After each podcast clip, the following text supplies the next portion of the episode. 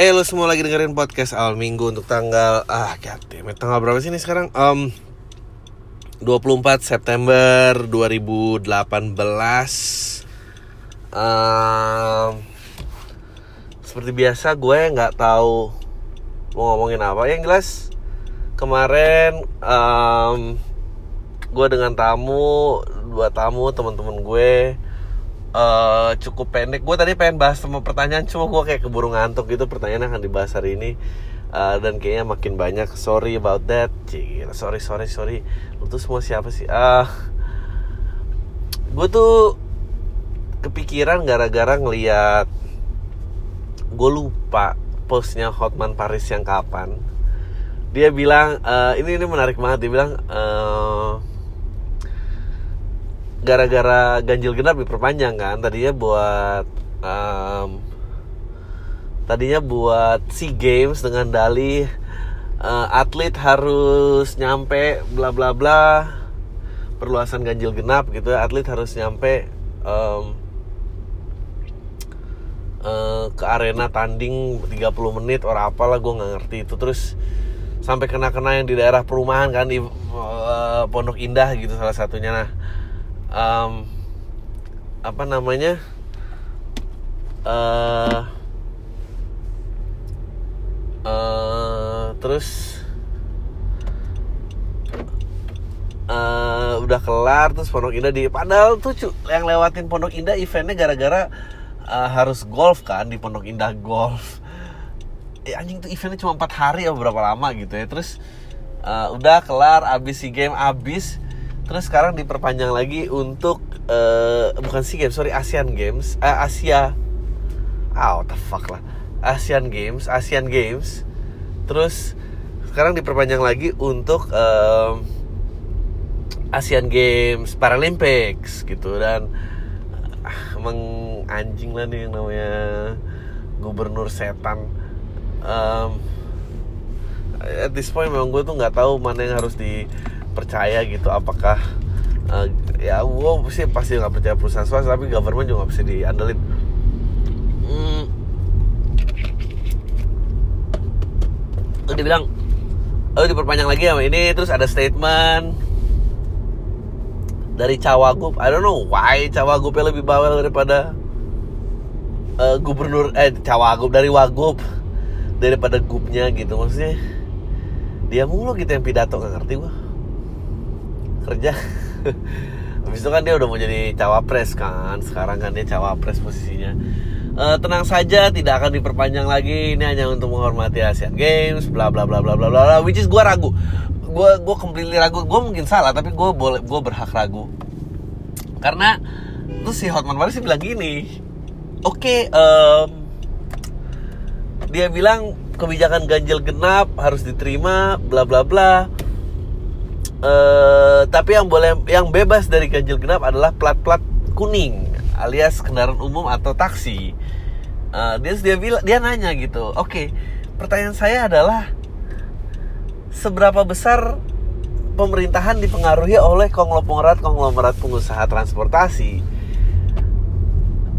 dalam menentukan kebijakan tersebut which is fucking brilliant banget gitu menurut gue itu itu touch point yang menurut gue um, uh, yang harus dipikirin orang karena kan uh, si kalau perusahaan online online itu kan dia tidak mengaku sebagai perusahaan transportasi dia hanya mengaku sebagai perusahaan teknologi yang istilahnya menghubungkan satu orang ke orang lain gitu.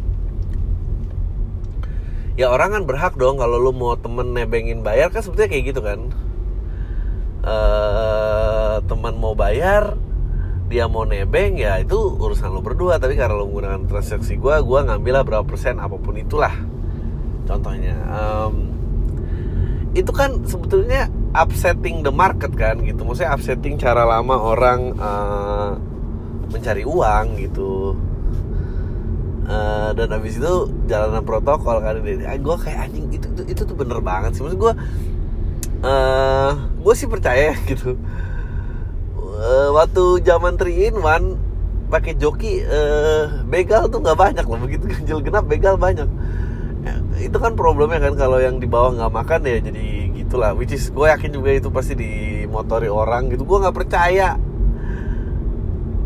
Uh, ada sebuah fenomena kejahatan yang muncul di berbagai tempat itu nggak ada triggernya gitu. Maksudnya kalau orang lapar terpojok dia akan bergerak sendirian aja gitu. Dan pergerakannya dia nggak akan tiba-tiba nggak mungkin kan menginspirasi penjahat lain. Anjing dia pinter juga ya ngebegal motor gue juga mau ah di daerah gue there's no way. Itu itu itu, itu pasti uh, ya pasti banyak triggernya lah dari banyak orang gitu. Nah terus belum lagi ya udah terus ada oke okay, terus joki terima hilang ini muncullah kebijakan ganjil genap which sebetulnya nggak boleh. Gue nggak tahu ya masih ada nggak ya negara ini negara lain yang ganjil genap? Ada sih tapi uh, I think Manila mungkin ya. Tapi mestinya tuh nggak boleh mestinya um, uh, kalau mau sih tol sih bayar gitu karena nggak ada urusannya.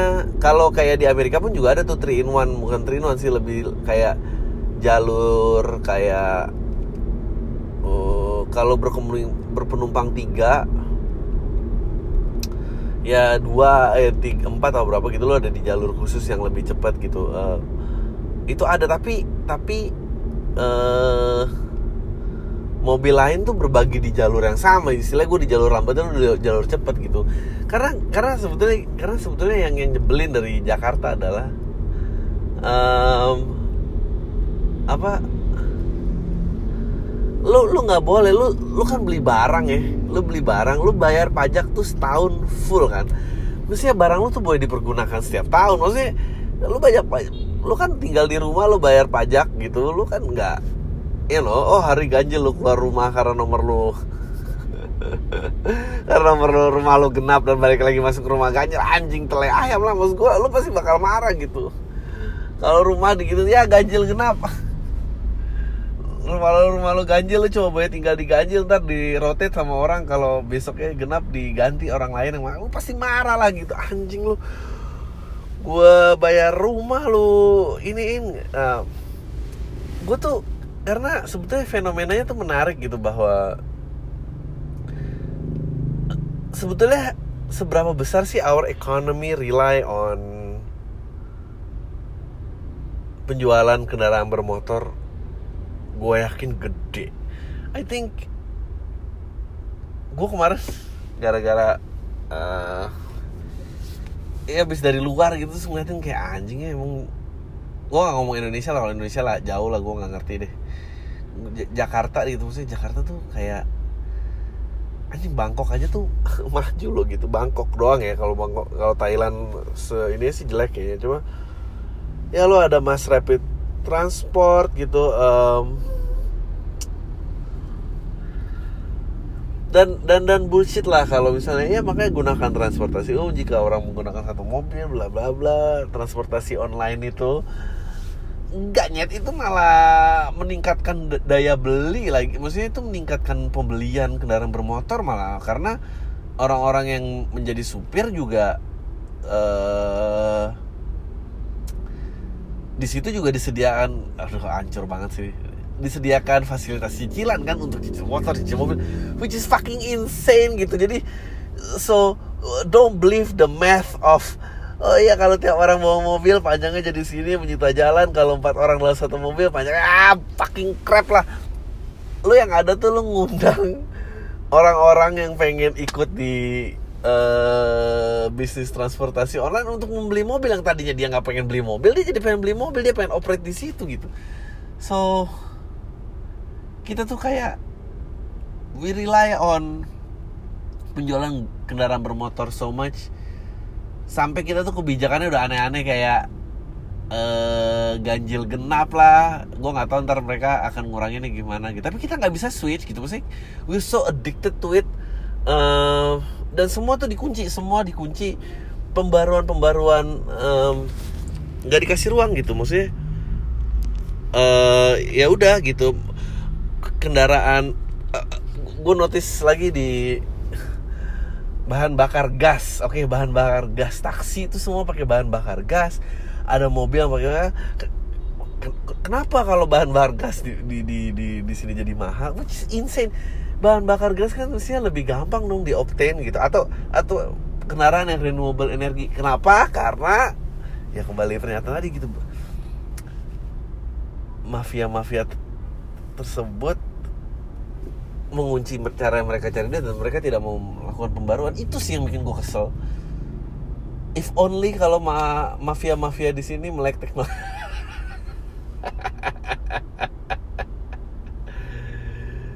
Uh, it's tapi keren sih kayak dari dulu masalah gitu berusaha ditertibin nggak akan bisa uh, tapi akhirnya teknologi berhasil memojokkan dan menertibkan menertibkan cara gue boleh bilang mafia gak sih? Boleh lah ya. Nggak ya mafia lah gitu. Uh, itu kan mafia ya. Kalau lo berusaha sesuatu terus lo nggak pengen menginginkan kompetisi ada di daerah lo ya lo mafia gitu. Uh, mencari duit di di di dana yang sama gitu di push kayak gitu karena terdesak sekali kan. Maksudnya sekarang juga airport ya udah akhirnya airport boleh tapi lo harus berlangganan ekstra gitu which is which is fucking weird kan. Maksudnya kayak lo ini kan basisnya kendaraan perorangan. Kalau gue nelfon temen gue jemput gue masih gue nggak boleh. Karena apa? Karena ada yang berusaha nyari makan di situ dan kita ada nggak sih lapor, laporan yang menjanjikan kayak berapa sih sebetulnya investasi yang dijanjikan untuk kembali gitu setiap tahunnya gitu? Kepada cara orang-orang yang berinvestasi di cara lama misalnya dalam hal transportasi gitu. Berapa sih gitu? Atau laporannya berapa sih kota ini menerima masukan dari pajak kendaraan bermotor gitu? Nggak um, nggak nggak mungkin gitu karena um, dan gede banget kenapa gede gitu? Karena yang lucu adalah bukan percepatannya manusia ditingkatkan gitu kualitas manusia ditingkatkan sehingga menghasilkan duit yang lebih tapi barang-barang yang menjadi simbol kemewahan itu dimurahin gitu. Uh, uh, kayak misalnya rumah gitu. Rumah kan ya gue tahu dulu rumah kayak dulu kan misalnya yang 100 meter gitu ya 100 meter tuh kan ja, tahun 90-an uh, eh, itu rumah sangat sederhana tiba-tiba yang 100 meter itu dijadiin yang kelas menengah dapetin jadi kelas rumah itu ngerti gak sih maksud gue sama kayak mobil gitu tiba-tiba uh, eh, gue nggak nyalain lo beli Ayla beli Agia gitu nggak nggak masalah but dulu orang segitu nggak bisa beli mobil men and ya udah lo harus stick dengan apa yang ada gitu. Tapi kan nggak bisa ledakan orang ledakan penghasilan orang yang mampu membeli mobil kelas itu banyak jadi harus di cater gitu. Maksudnya uh, I don't know. I think that's the problem of of jika kemajuan manusia itu berdasarkan pendapatan sih. Jadi pendapat range pendapatan terbesar aja itu yang di serve kebutuhannya. Dan dan dan Indonesia tuh Indonesia adalah lo harus sadar betapa. Kalau orang bilang Indonesia adalah negara yang kaya itu 100% benar. Tapi kaya karena apa? Karena alam dan budayanya itu salah menurut gua. Indonesia kaya itu karena kelas menengahnya yang besar sekali maksudnya. Dan dan terus tumbuh. Dan, di situlah orang bisa berjualan gitu. Orang um, I don't know if gue yakin ya kayak bisa India gitu kayak, kayak mereka nggak jual Ayla deh kayak jual Ayla sih macet total pasti. Cina gitu. Itu kayak politik. Itu kayak nerima dumping gitu negara-negara yang apa tuh nggak laku di dump semua di sini dan semua tuh diterima. I, I, I don't understand.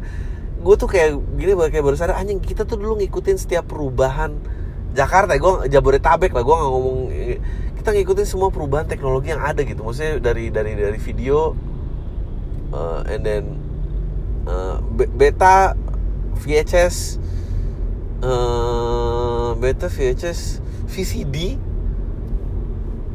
uh, VCD les, eh, laserdisc dulu laserdisc VCD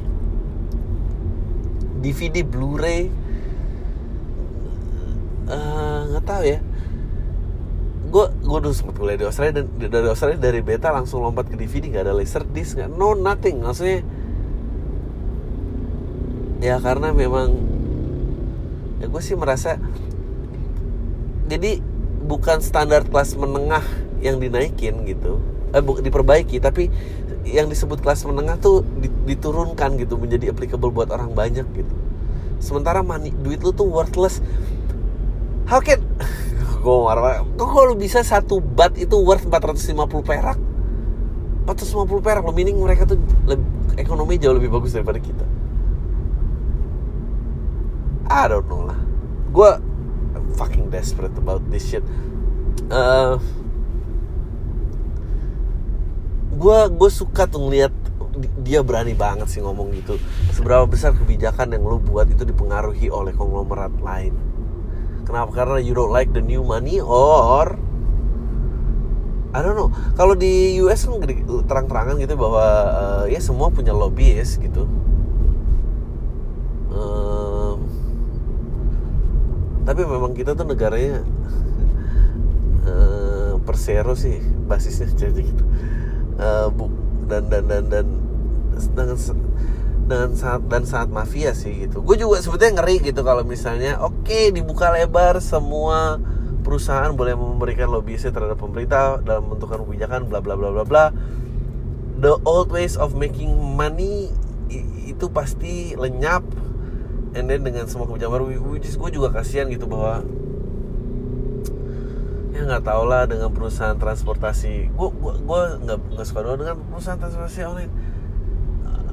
Nggak ada klasifikasi untuk jadi supir. Lu tahu kan dulu jadi supir itu ada klasifikasi ya paling nggak tahu jalan be paling nggak tahu bisa naik motor naik mobil uh, dan se semua tuh kayak nggak bisa. Yang baru bisa naik motor aja juga di situ gitu no insurance no nothing maksudnya uh, realize tapi suruh pakai seragam malah I hate them both oke okay. ya, yang konservatif crooked yang uh, yang liberal menurut gue serak greedy so ya yeah. um, so ya yeah, gue ngerasa ngelihatnya um, nggak tahu bakal mau dibawa ke mana aja gitu. Terus aduh baru 17 menit ya. Lama ya gue gue sih uh, gue tuh ya gue inget banget dulu gue pernah sempet ngobrol sama aduh lama banget. If anyone could find the rekamannya di Hard dulu uh, tentang kebijakan busway gitu dan, dan uh, waktu itu kan pertama kali di ini di Fauzi Bowo gitu dan dia udah mengkalkulasi no the growth the the growth akan membuat kota ini uh, ke trap gitu dan akhirnya ya udah deh. Um, ini tuh emang city without planning aja. Udah deh oke okay, lo boleh bikin busway gitu. Um, which akhirnya Jakarta selamat lah gitu. Dan dan tapi terus pertumbuhan kelas menengah dan daya beli mobilnya kan sebetulnya bukan da, da, daya beli sebetulnya nggak meningkat mobilnya yang makin murah. Daya belinya mas sebetulnya turun. Karena ya lu butuh masukan nggak uh, kota ini karena sebetulnya Jakarta tuh ngasilin apa sih? Kota yang nggak ada kan kalau nggak selain dari pembelian um, jadi tuh solusi-solusi yang dikabulkan karena udah solusi mepet aja gitu bukan solusi for the betterment of the city gitu uh, gue ngeliat kayak oh iya iya bikin MRT apa segala macam ya MRT di atas.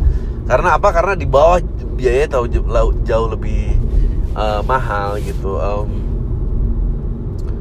uh, terus di iniin kan kayak ya udah di atas aja deh ngalur gitu terserah deh gimana nggak ada ininya gitu. Kayak Singapura tuh kan gue sih nggak pengen negara gue kayak Singapura juga kayak 60 tahun see exactly Singapura di 60 tahun yang lalu mereka udah lihat Singapura hari ini gitu. Maksudnya uh, kereta bawah tanah uh, London juga hal yang sama uh, sebetulnya kan um, pembangunan apa pun yang ruang atas gitu ya itu kan karena lu nggak punya planning jadi ruang bawah lu nggak nggak nggak nggak uh, uh, termanfaatkan dengan baik. Maksudnya lu nggak lu even sistem god ya sampai sekarang oh nggak ngerti deh godnya the fact that mungkin kalau prediksi orang Jakarta akan tenggelam itu itu itu possible banget sih. And I don't know who's gonna be responsible. Udah gitu kan semua orangnya anti asuransi gitu kan ya. Jadi kayak ya udah kalau tenggelam ya bye gitu. Well tapi kalau asuransi juga kalau kotanya tenggelam mereka akan cari cara gimana nggak ganti duit lu sih. Uh, ya kan ibu bisa lihat uh, tenggelam bukan dari bagian resiko premi kami. Ibu ibu kalau mau pakai um, uh, premi di cover dalam kota yang tenggelam ibu bayarnya 2 juta sebelum fucking bullshit. Gue tau lah gue marah-marah banget uh, there's no way man. Lo nggak safe. Uh, I think should be aware di manakah gosip ibu kota berikutnya. Uh, tiba-tiba ada developer yang buka-buka tanah mendingan you buy that shit over there sebelum harganya bubbling. Um, ya karena ya lo nggak bisa sih. Lo akan ya gimana coba ya? Gue gue pengen tahu sih uh, nanti nih gubernur ini akan memperpanjang ganjil genap apa enggak uh, karena gue gue capek banget sih anjing lah gitu. Terus udah gitu 12 jam pula kayak anjir lo gue nggak tahu ntar soal public transport karena sebetulnya nggak pakai kendaraan pribadi tuh nggak apa-apa gitu. Maksudnya tapi ya naik apa gitu. Aduh kabel telepon belum. I love it how um, ini gue sempat ngebahas kan di Talk Drive tentang uh, kabel fiber optik gitu galian fiber optik.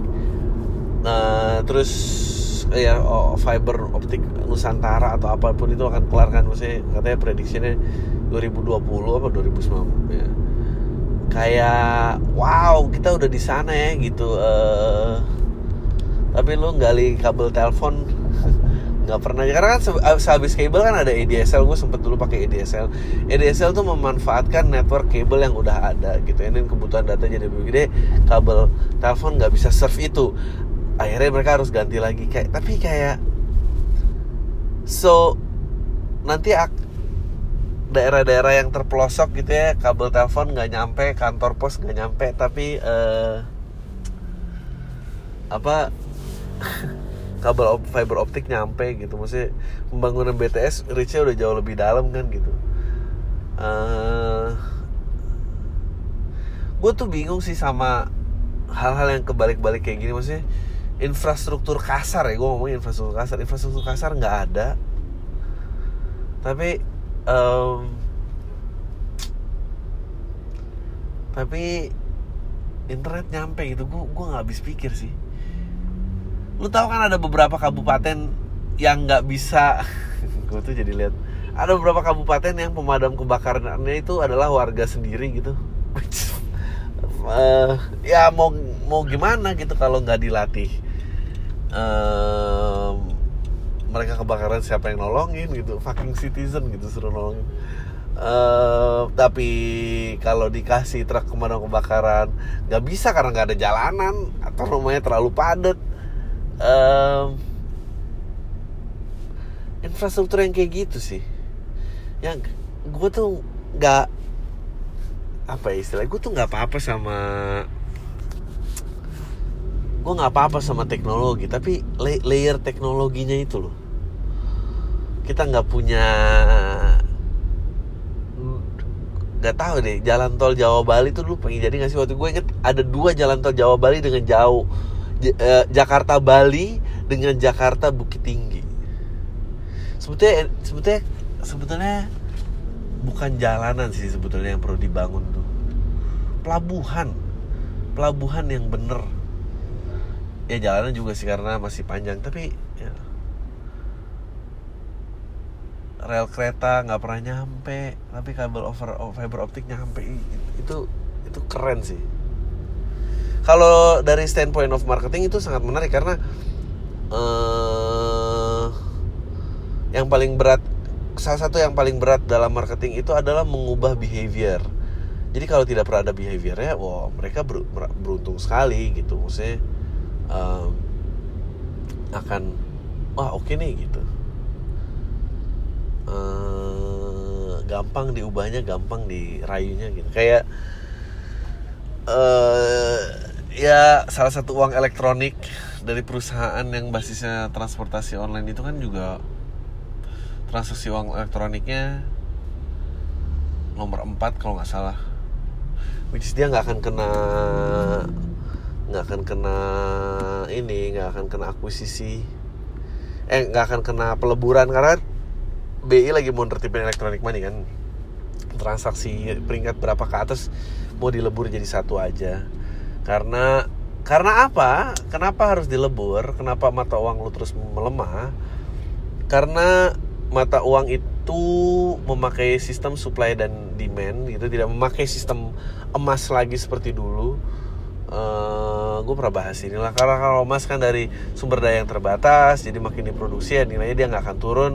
Dan kalau makin banyak rotasinya berputar dia uh, situ ya. Tapi kalau nggak pakai logam mulia lo berdasarkan uh, supply dan demand. Ber berarti semakin banyak dicetak semakin semakin dalam ada peredaran tapi demandnya segitu aja lo akan akan turun nilainya gitu. Dan dan dan dengan uang digital yang di mana mana kan ya nilai rupiahnya jadi berkurang terus gitu.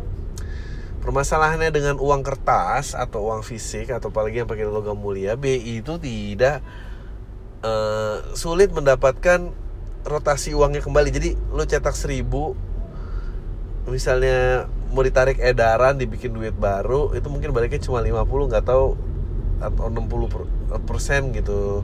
40 persennya ngendep di mana nggak ngerti gitu dan karena nggak bisa ketabung di bank kan.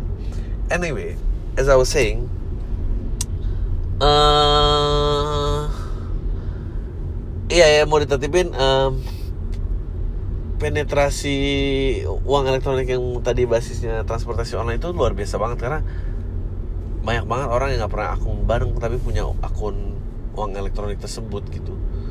Uh, dan dan itu kayak I, I don't know gitu. Uh, aman apa enggak? Tuh bukan masalah aman apa enggak sih. Who give them fucking otorisasi to know di mana duit gue bergerak apa enggak. Oh iya ini. Uh, biasalah itulah sekilas keparang-parang gue gue tadi baru uh, sadar dan uh, dan ternyata apa uh, eh, gue terbukti uh, uh, smart home assistant uh, apa sih itu Alexa ya punya siapa sih uh, atau yang punya Google atau apa itu um, kan baru ada berita baru ada berita Alexa caught its first murder gitu. Jadi di sebuah rumah terjadi pembunuhan ternyata itu ngerekor terus gitu kan. Gue tuh cuma kayak amazed gitu kayak anjing itu itu sebetulnya boleh apa nggak boleh ya gitu. Maksud gue hak privasi lo di mana gitu. Gue gue gue bingung sih. Dan of course jawabannya juga bukan yang kayak tolol gue nggak ada teknologi sampai kayak ya mesti orang mati ya mati aja. Bla bla bla. Nggak nggak nggak usah apa namanya nggak ketangkep pemuda nggak apa penting privasi terjaga ya. Nggak gitu juga gitu. Gue percaya dalam keamanan. Tapi kalau kayak gitu tuh dilematis dan abis itu ada ada ada satu artis lagi yang mengadakan demonstrasi di mana dia uh, meretas ya menghack. Menghack um, menghack itu Google-nya dan dia menyematkan ke pistol gitu uh, dan pistolnya bisa nembak sendiri gitu which is fucking amazing gitu. Um, itu kan juga yang di yang di apa namanya dilakukan oleh oh, makanya yang anything smart itu kan concerning kan gitu. Jadi itu juga yang dicemaskan terhadap orang-orang yang membeli smart sex toy gitu. Karena bentuknya robotik itu kalau dihack itu bisa bisa buat ngebunuh lo gitu pasti which is which, tapi nggak ada gunanya sih ngebunuh orang yang beli smart sex toy karena ya buat apa gitu maksudnya kayak eh, eh, eh, eh. Kasihan lagi horny-horny dicekek.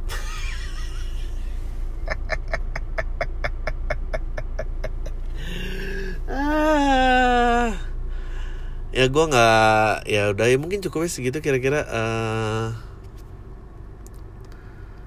sekarang gue jawab pertanyaan aja. Kayaknya lumayan ya tadi untuk menjadi buah pikir untuk banyak orang untuk nggak terlalu gampang percaya dan melindungi apa yang sebetulnya menjadi hak lo gitu sebagai orang. Which is gue udah nggak tahu lagi di mana haknya. Pokoknya intinya you screwed lah your government try to screw you over private company ya apalagi gitu. Which is kalau dari private company itu nggak apa-apa gitu karena memang mereka niatnya cari duit. Tapi yang satu lagi loh yang berkedok ingin ingin apa namanya mensejahterakan itu loh. Aduh aduh aduh aduh, oke okay, let's do the fucking questions. Sorry ya banyak banget ya gue please dong makin bermutu dong. Uh, jangan malah makin aneh. Oke okay, um, Oke, okay, let's do this. Oke, okay, uh, bener juga kata lo, train of thought sering lagi ke mana-mana tuh, Taya. Uh, sering melambungkan ekspresi ke awang-awang waktu bersama menimbulkan ketakutan yang kita buat sendiri. Interaksi IRL emang kunci kali ya. IRL apa sih? Anyway ngomong soal liburan entah kenapa kayak Israel pernah ngomong doyan tenun tanggal 13 sampai 17 Oktober ada festival tenun di Nusa Tenun Nusantara di Tapanuli Utara. Wow. Um, ya yeah, I try to give this to her. Tapanuli ya agenda sementara ini adalah workshop permainan pengenalan ulos. Um, uh, ulos pada anak uh, sebetulnya sama pentas opera Batak si Burolopian. Kali istri minat. Oke, okay, here goes the story. Teman sekosan zaman gue dulu waktu pertama kali berangkat dari kampungnya dititipin cuma satu pesan sama nyokapnya. Nggak untuk seneng sing podoloyo, nggak boleh suka sesama jenis. anjing aneh banget oke okay. Begitu sampai kota di kuliah nggak mungkin setahun dia coming out SG mungkin nyokapnya udah ngerasain ada gejala tertentu anaknya kali ya. Kasus kedua ya gue sendiri. Oh. Baru mau berangkat dari kampung kota kuliah pesen cuma cari nyokap cari pacar yang seiman. Sama temen kayak gue ya dulu dua tahun kemudian gagal gebetan yang seiman malah yang beda. Udah putus lama sih cuma habis dari situ berapa kali yang nyantol yang beda-beda juga. Ya cuma kalau mau cari pembenaran aja kali ya. Tapi pernah nggak sih lo ngerasa bahwa pesan larang itu malah membuat alam sadar kita buat melanggar hal tersebut. Thank you udah spend an hour plus a week cuat cuap cuap. Meskipun itu jadi wadah kegiatan lo sendiri juga it's quite enjoyable for us. Um, larangan apa? I I don't know man. I think gue sih percaya uh, certain faces gitu ya orang tua tuh udah nggak bisa ikut campur dalam um, dalam pengembangan anak gitu and and and, and let people uh,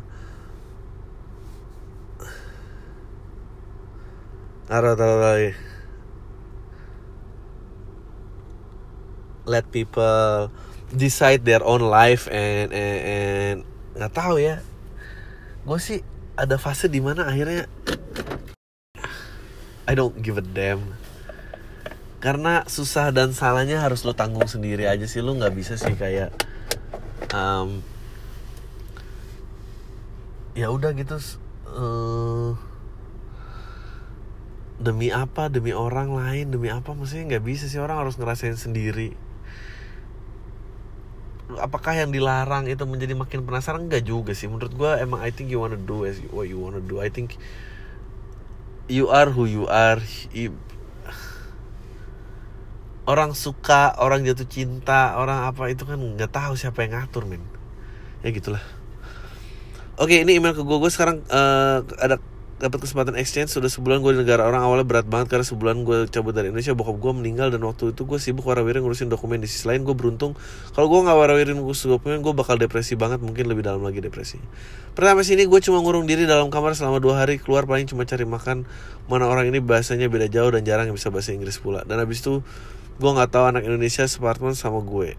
Nggak tahu ada anak Indonesia. Akhirnya gue mulai seneng karena ada orang yang bisa gue ajak ngobrol langsung. Selain itu gue jadi kenal anak Indonesia lain di sini. Bergaul sama orang Indonesia gue nggak masalah.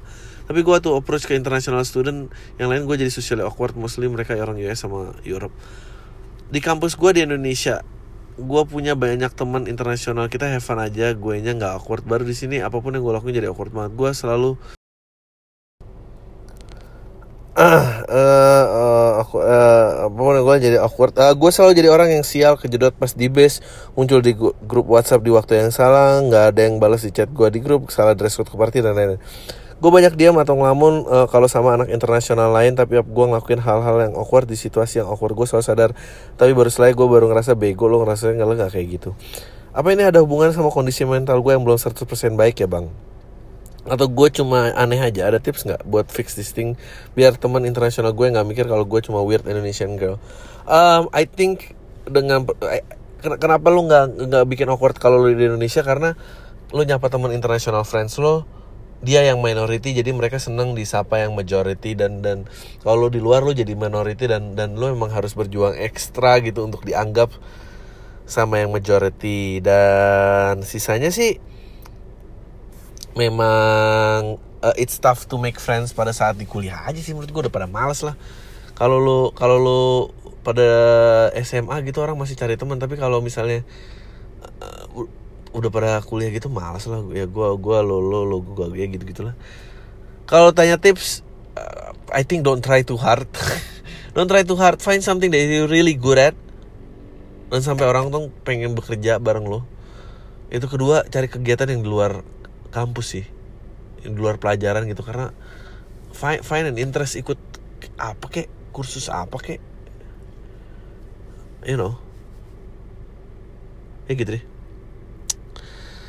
Uh, email kedua di podcast awal minggu sekarang udah jarang dengerin karena takut candu. Bang tuh poin gue 24 tahun mengalami fase nikah pertemuan saya udah pada nikah hampir 80% di lingkaran saya udah pada nikah saya mengalami situasi awkward kan tiap minggu bulan Agustus September datang ke resepsi sampai lima kali per akhir pekan jadi kalau sekarang hubungi mereka teman-teman yang udah nikah duluan jadi takut ganggu karena sering dibaca tanpa dibalas. Ya, saya sih sadar sendiri mereka udah punya keluarga. Sejalan dengan itu saya juga buka pertemanan baru. Menurutmu di umur yang makin bertambah bener gak sih kita bisa survive dengan diri kita sendiri? Ya bener. Karena saya dulu ngandelin banget teman ya jangan. Uh, semakin lingkaran saya semakin individualis menurut abang. Ya bener kok, bener kok. Tips kamu soal deketin cewek gagal bang sedih saya. Ya. Maaf ya. Ya nggak makanya lu lu deketin cewek jangan ngandelin orang aneh kayak gue oke. Okay. Oke okay bang, sorry agak panjang. Gue udah jadi brand friends with benefit sama cewek udah tiga tahun gitu. Gue udah ajak sering ke rumah dia, udah sering lebaran di rumah. Ya udah kayak orang pacaran, seks, maran dan lain sebagainya waktu padahal waktu rumah kita beda satu beda pulau tapi kita satu kampus. Nah gue baru cek hp ternyata dia udah tiga bulan punya hubungan sama orang lain main belakang gue selama ini dia protek banget ke gue ngelarang-larang gue sama cewek lain. Gue tanya kenapa dia begini? Dia jawab aku capek nunggu kamu nggak kasih kepastian dari dulu. Aku capek nunggu. Aku sayang sama dia tapi gue malu ungkapin karena gue gengsi. Baru kemarin gue ungkapin ke dia tapi dia tetap nggak mau. Dia udah bilang mau nyoba sama orang baru tapi dia masih cukup sayang sama gue gue harus apa? Eh uh, harus berhenti. Um, kalau masih suka ya tunggu ntar juga lu capek sendiri sih menurut gue di fight aja yang harus di fight kalau enggak mah ya udah gitu. Kalau emang enggak ya gimana dong? Dong dang ding dong dang ding dong dang ding dong. Kalau mau fight fight. Kalau enggak ya ya udah mau gimana? Udah baca email di podcast sekarang lu bilang perkembangannya. Jadi sekarang gue tuh udah empat bulan kali ya di kantor gue gue tuh tipenya yang diam-diam mengamati gitu gue dulu sempet denial kalau gue emang suka sama dia atau jangan-jangan beneran gak suka.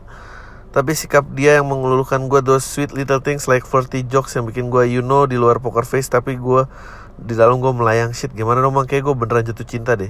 Gue pengen cerita lebih detail tapi email ini kepanjangan tuh selalu maki-maki gue ngeri. Baik dia dia dua tahun lebih tua daripada gue dulu dia anak, sempat kuliah di luar negeri dia anak gaul Jakarta banget tipenya. Gue jujur agak minder sih kalau mau ngelanjutin kisah ini. Karena she's really out of my league dan pernah waktu lain kita rame-rame gitu makan biasa sambil ngobrol tonton lain. Cuma gue yang gak nyimak obrolan mereka dan mau nguping aja dan dia bilang dia pernah mau dikenalin sama nggak usah disebut namanya oke. okay uh, dia ngerasa udah jauh dia cewek ini di atas dia dalam segala hal bla bla bla. Gue nggak tahu sih beneran atau anaknya gimana gue itu bikin bener gue tuh kentang banget gitu semacam wallflower di samping itu gue nangkepnya dia womanizer gitu. Dia tuh kadang suka random gitu pernah tiba-tiba nanya e, Mei mau jadi plus one gue nggak? Terus dia nanya di kantor kita pas lagi pada pulang.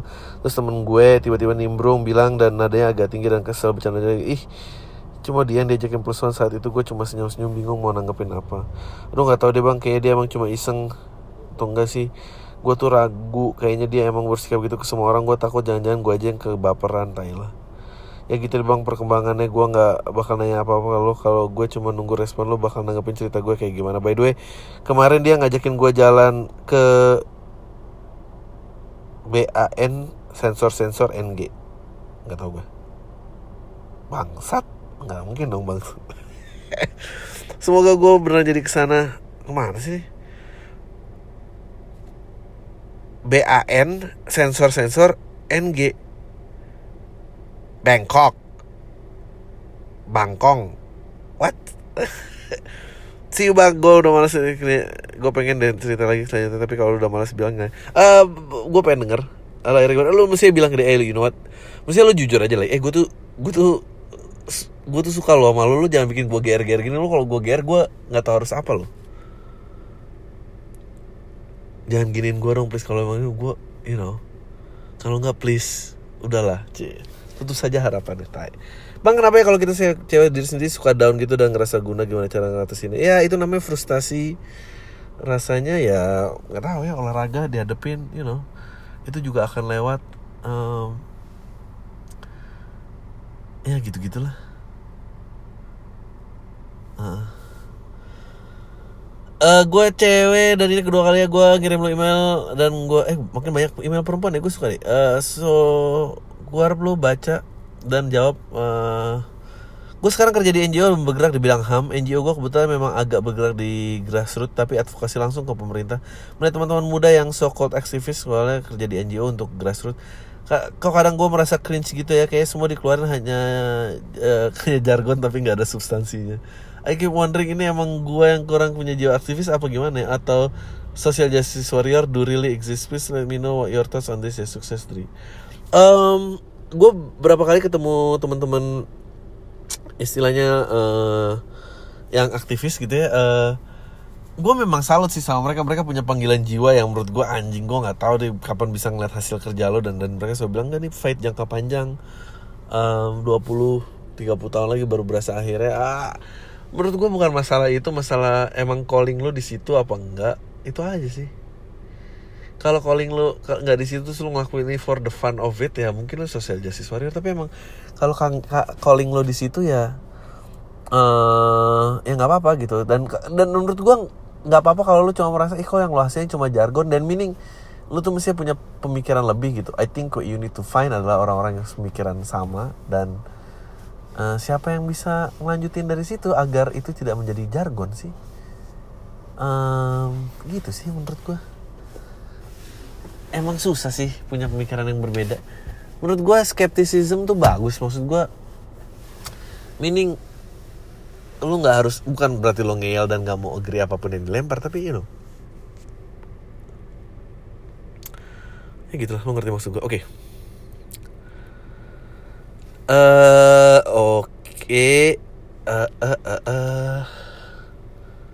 na na na na. Oke. Okay gue masih dimasukin grup relawan salah satu kandidat capres. Nggak ada angin nggak ada hujan. Tiba-tiba gue gabung gitu masuk tim siskri di kota gue tinggal ada orang yang sering masuk sering gue kira kontra sama calon diusung ternyata malah grup itu juga.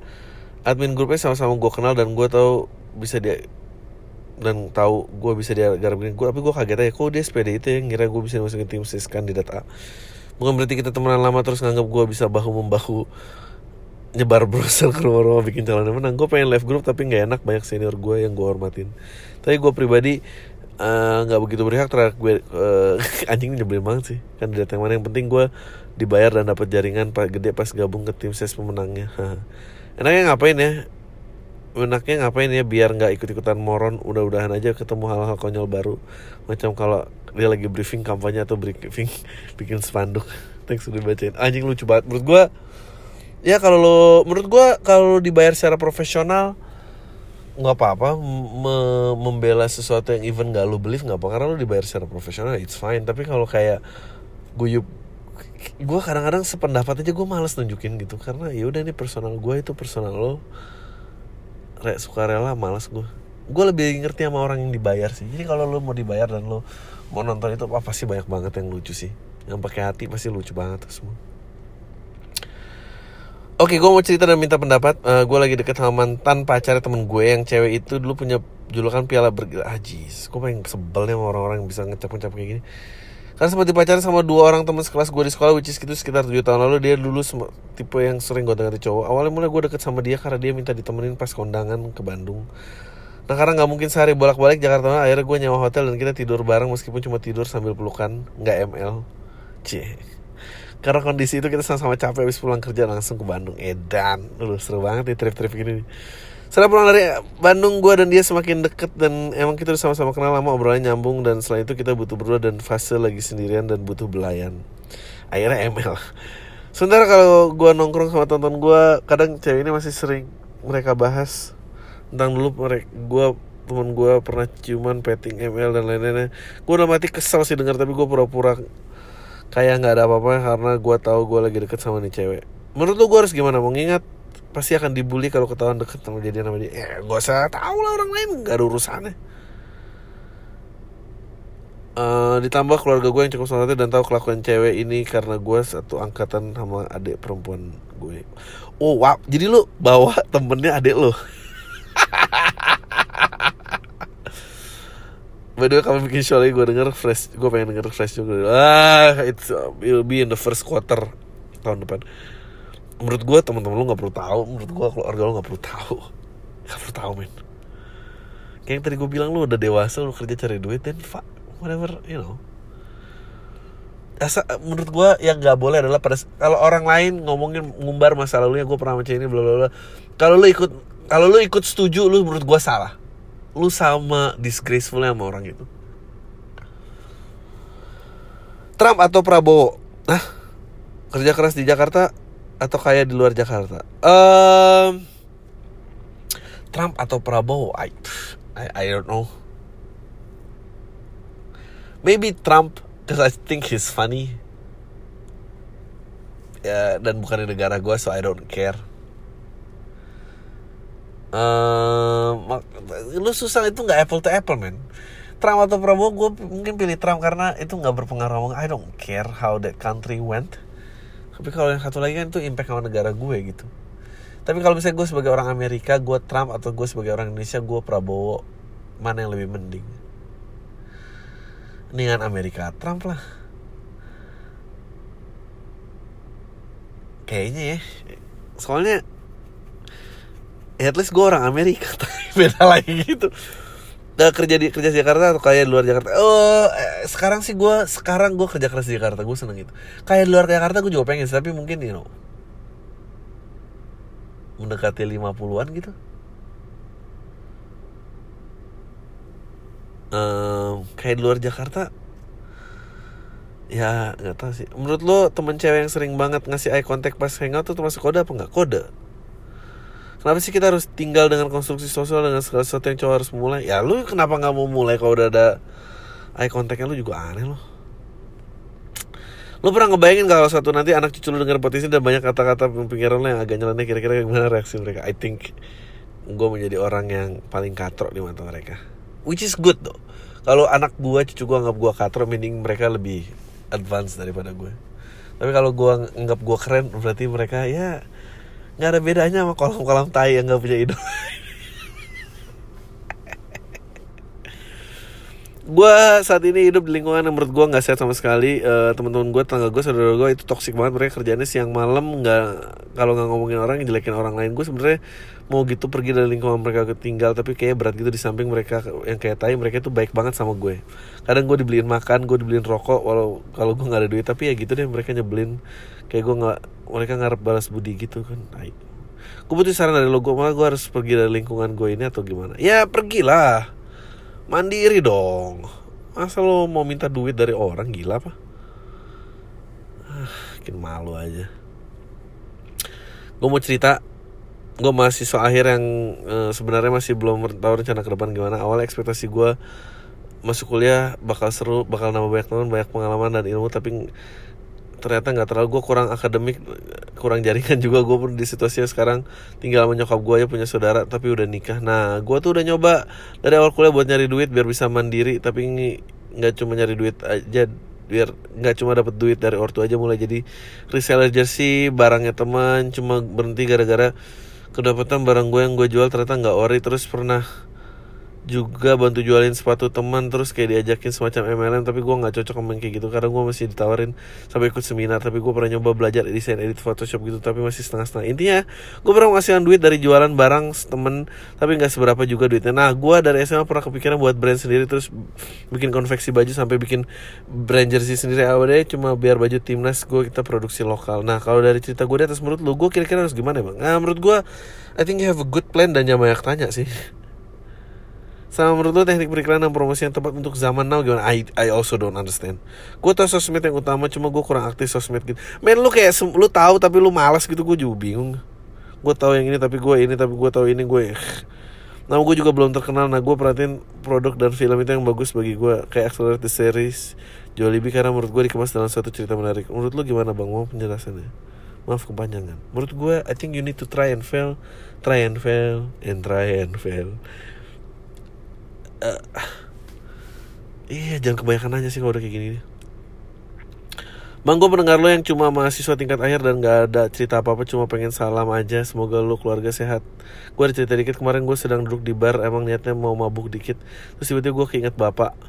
Gue menurut lo kalau lo di masa muda lagi mabuk di bar terus ketemu bokap lo?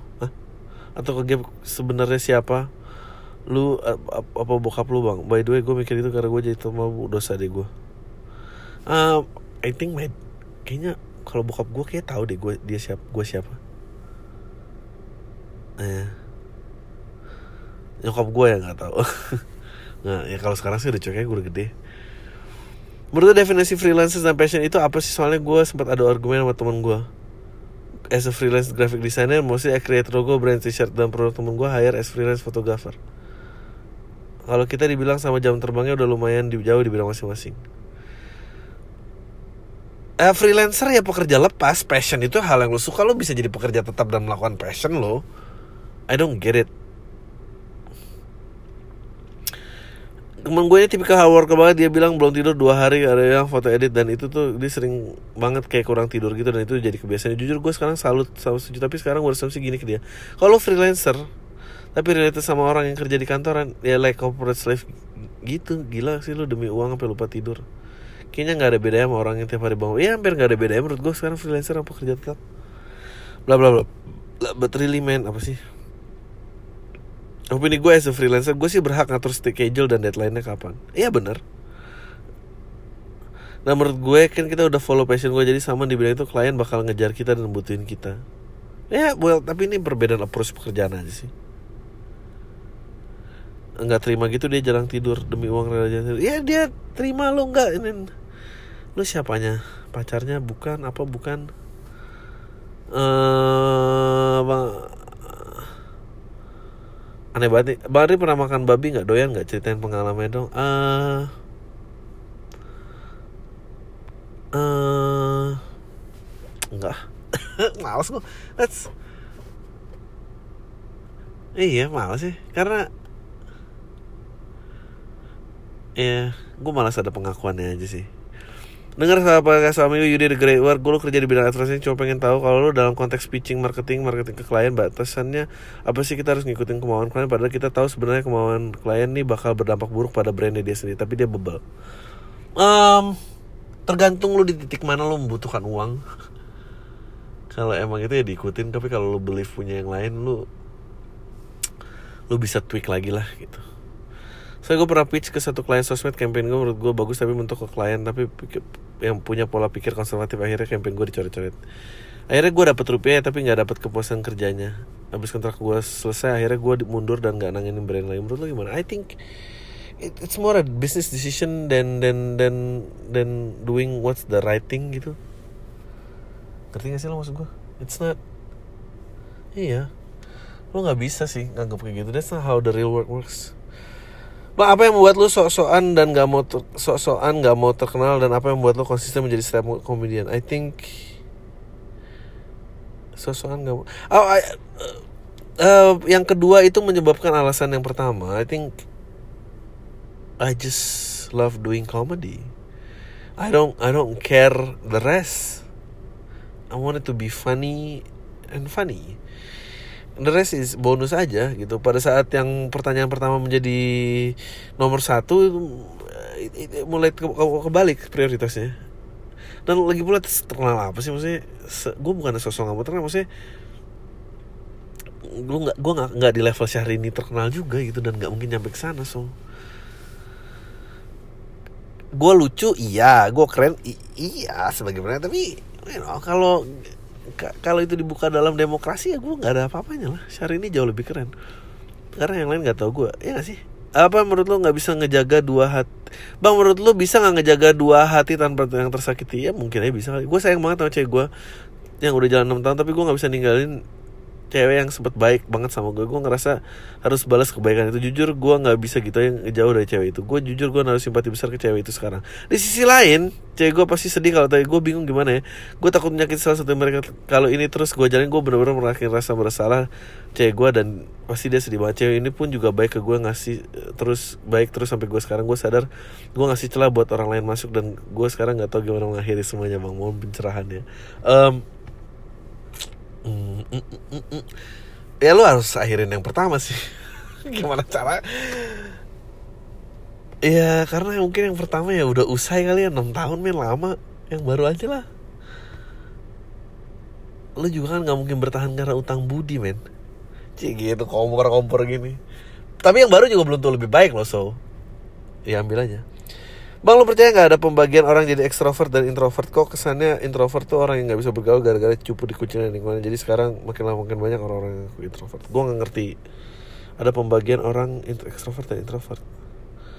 Ya ada orang introvert ada Tapi orang introvert tuh gak pernah ngaku. Gue introvert di sosial media. Itu mending lo ekstrovert gembel. Bang gimana cara mengarahkan dan mengikhlaskan segala hal itu gimana ya bang? Anjing gue juga gak tau men. Uh, Bermeditasi doa apalah nggak tau gue bang selama bulan terakhir fit medsos gue oh anyway fuck lah gue baru nyambungin pembicaraan tadi. Gue baru inget apa yang mau gue omongin. Privacy tadi ah lupain aja lah ya. Anyway bersama bulan rem fitness aku diisi sama banyak info testimonial sama rencana keuangan. Mulai dari invest sana sini duit teratur dan segala macam. Awalnya aku ngerasa fine dengan invest cuma lama-lama kok jadi parno ya. Ibarat duit aku selama ini takut dipakai buat enjoy myself dan mereduksi gimana aku ngerasa happy dengan duit yang aku miliki. Ya alhamdulillah sih aku nggak ada utang apa pun tapi ya gitu deh rasanya all money should be put in investment on other thing in the future. Lo ngerasa gini gak sih bang? Kalau nggak ya nggak masalah sih just my two cents aja dari aku. Um, gue gue ngerasa kok kayak gitu tapi gue selalu gagal juga nabung so I don't know how to look for it. Tapi kalau lo bisa nabung gue sih saranin lo nabung ya. Ya nggak tahu juga sih. Uh, bang gue lagi di masa pas kelar kerja terus pulang gue ngerasa kerjaan nggak sesuai pengen cari yang lain keluar. Tiap pagi udah jalan ngedumel tapi pas di kantor ya nggak tahu umur 24 menurut lo mungkin gak sih ngabisin nggak jatah gagal kerja sendiri usaha sendiri ya mungkin aja. Keluar kerja nyari usaha sendiri mungkin aja. Rencana rapin usaha kos-kosan bokap sekalian jualan kecil-kecilan atau nyari kerjaan lagi deket rumah. Kayaknya emang gara-gara jarak kali ya. Menurut lo mending kerja gaji tapi nggak ada waktu apa gaji biasa tapi bisa luangin ke hobi. Menurut gua uh, menurut gua sekuat-kuatnya badan lo bisa bayar pas lo lagi muda yeah, just try things man. Try things. Pencapaian lo tertinggi usia 20-an apa bang? Uh, lewatin quarter life crisis lo apa bang? Uh, gue gak tau I still questioning lot things di hidup gue. Uh, gue merasa jujur gue merasa untung gue kuliah cepet kelar. Tapi gue ngerasa mestinya waktu itu gue habis SMA gue jangan langsung kuliah. Uh, gue ngerasa gue kurang banyak hal dan banyak terbuka untuk membela hal lain uh, mengerjakan hal lain um, ya gitu gitu deh. Um, Oke nih yang terakhir aja ya. Masih banyak gimana tapi gue lanjutin minggu depan. Uh, Gue paling tua yang pernah dengerin Paling tua sisanya mungkin para milenial kamar menurut gue podcast lo bikin gue perspektif baru dari kepala lu. Gue suka banget perspektif baru yang gue nggak tahu seberapa. Fresh banget gue mau nanya berapa. Satu selama lu kerja di kantor eh ada nggak ketemu grafik desainer yang udah 30 tahun? Pernah. Gue 30 tahun dan ngerasa stuck gini dengan karir gue biarpun banyak perusahaan yang alhamdulillah masih manggil tapi nggak ada yang mau nerima. Menurut gue portfolio gue lumayan menarik ya perusahaan-perusahaan. Kayak interview gue tolol. Uh, dan gak ada yang mau bayar dengan gaji yang gue offer. Ada saran? Uh, I don't know man. Um, aduh nggak tahu ya. Uh, karir stuck gitu uh, ya lo yang lo incer apa gaji? Apa kesempatan untuk naik secara karir? Karena menurut gue kalau lo pengen naik secara karir lo bisa tantang even di kantor lo sendiri. Apa syaratnya gue pengen jadi orang itu? Gue pengen bisa. Lo bisa tantang gitu. Dan kalau enggak ya lo uh, lo bisa tantang. Atau gue pengen jabatan ini background gue ini. Lo ngelamar juga bisa gue pengen jabatan itu tapi background gue ini gue punya pengalaman sekian. Lo mau nggak gue di tempat itu? Gitu sih. Dua please. Berbanyak ngomongin sains mitos fenomena alam X yang baru, baru yang bikin pendengar tahu hal yang nggak diketahui sebelumnya. Ah, daripada bacain cerita cerita Mero bahasa chat nggak dibales kali aja lo dapet jokes dan cerita dan fakta dunia yang menarik. Oke. Okay. gimana cara masukin podcast ke Spotify? Ya gue pakai Anchor kalau lu lagi kehabisan topik gue boleh nyaranin topik nggak Paham seperti red pill red pill di coach oke okay, ini gue akan cari dari red pill apa sih agak ekstrim tapi beneran menarik perspektif karena berapa yang fakta kayak Netflix Ramdes Psycholobin Oke, okay, gue akan coba cari. Itu aja dari gue salut parah sama konsistensi lo dan karena gue orang yang paling gak konsisten dan gue jadi terpacu beneran karena thanks. Ah, udah aja itu dari gue. Uh, tayo semua deh.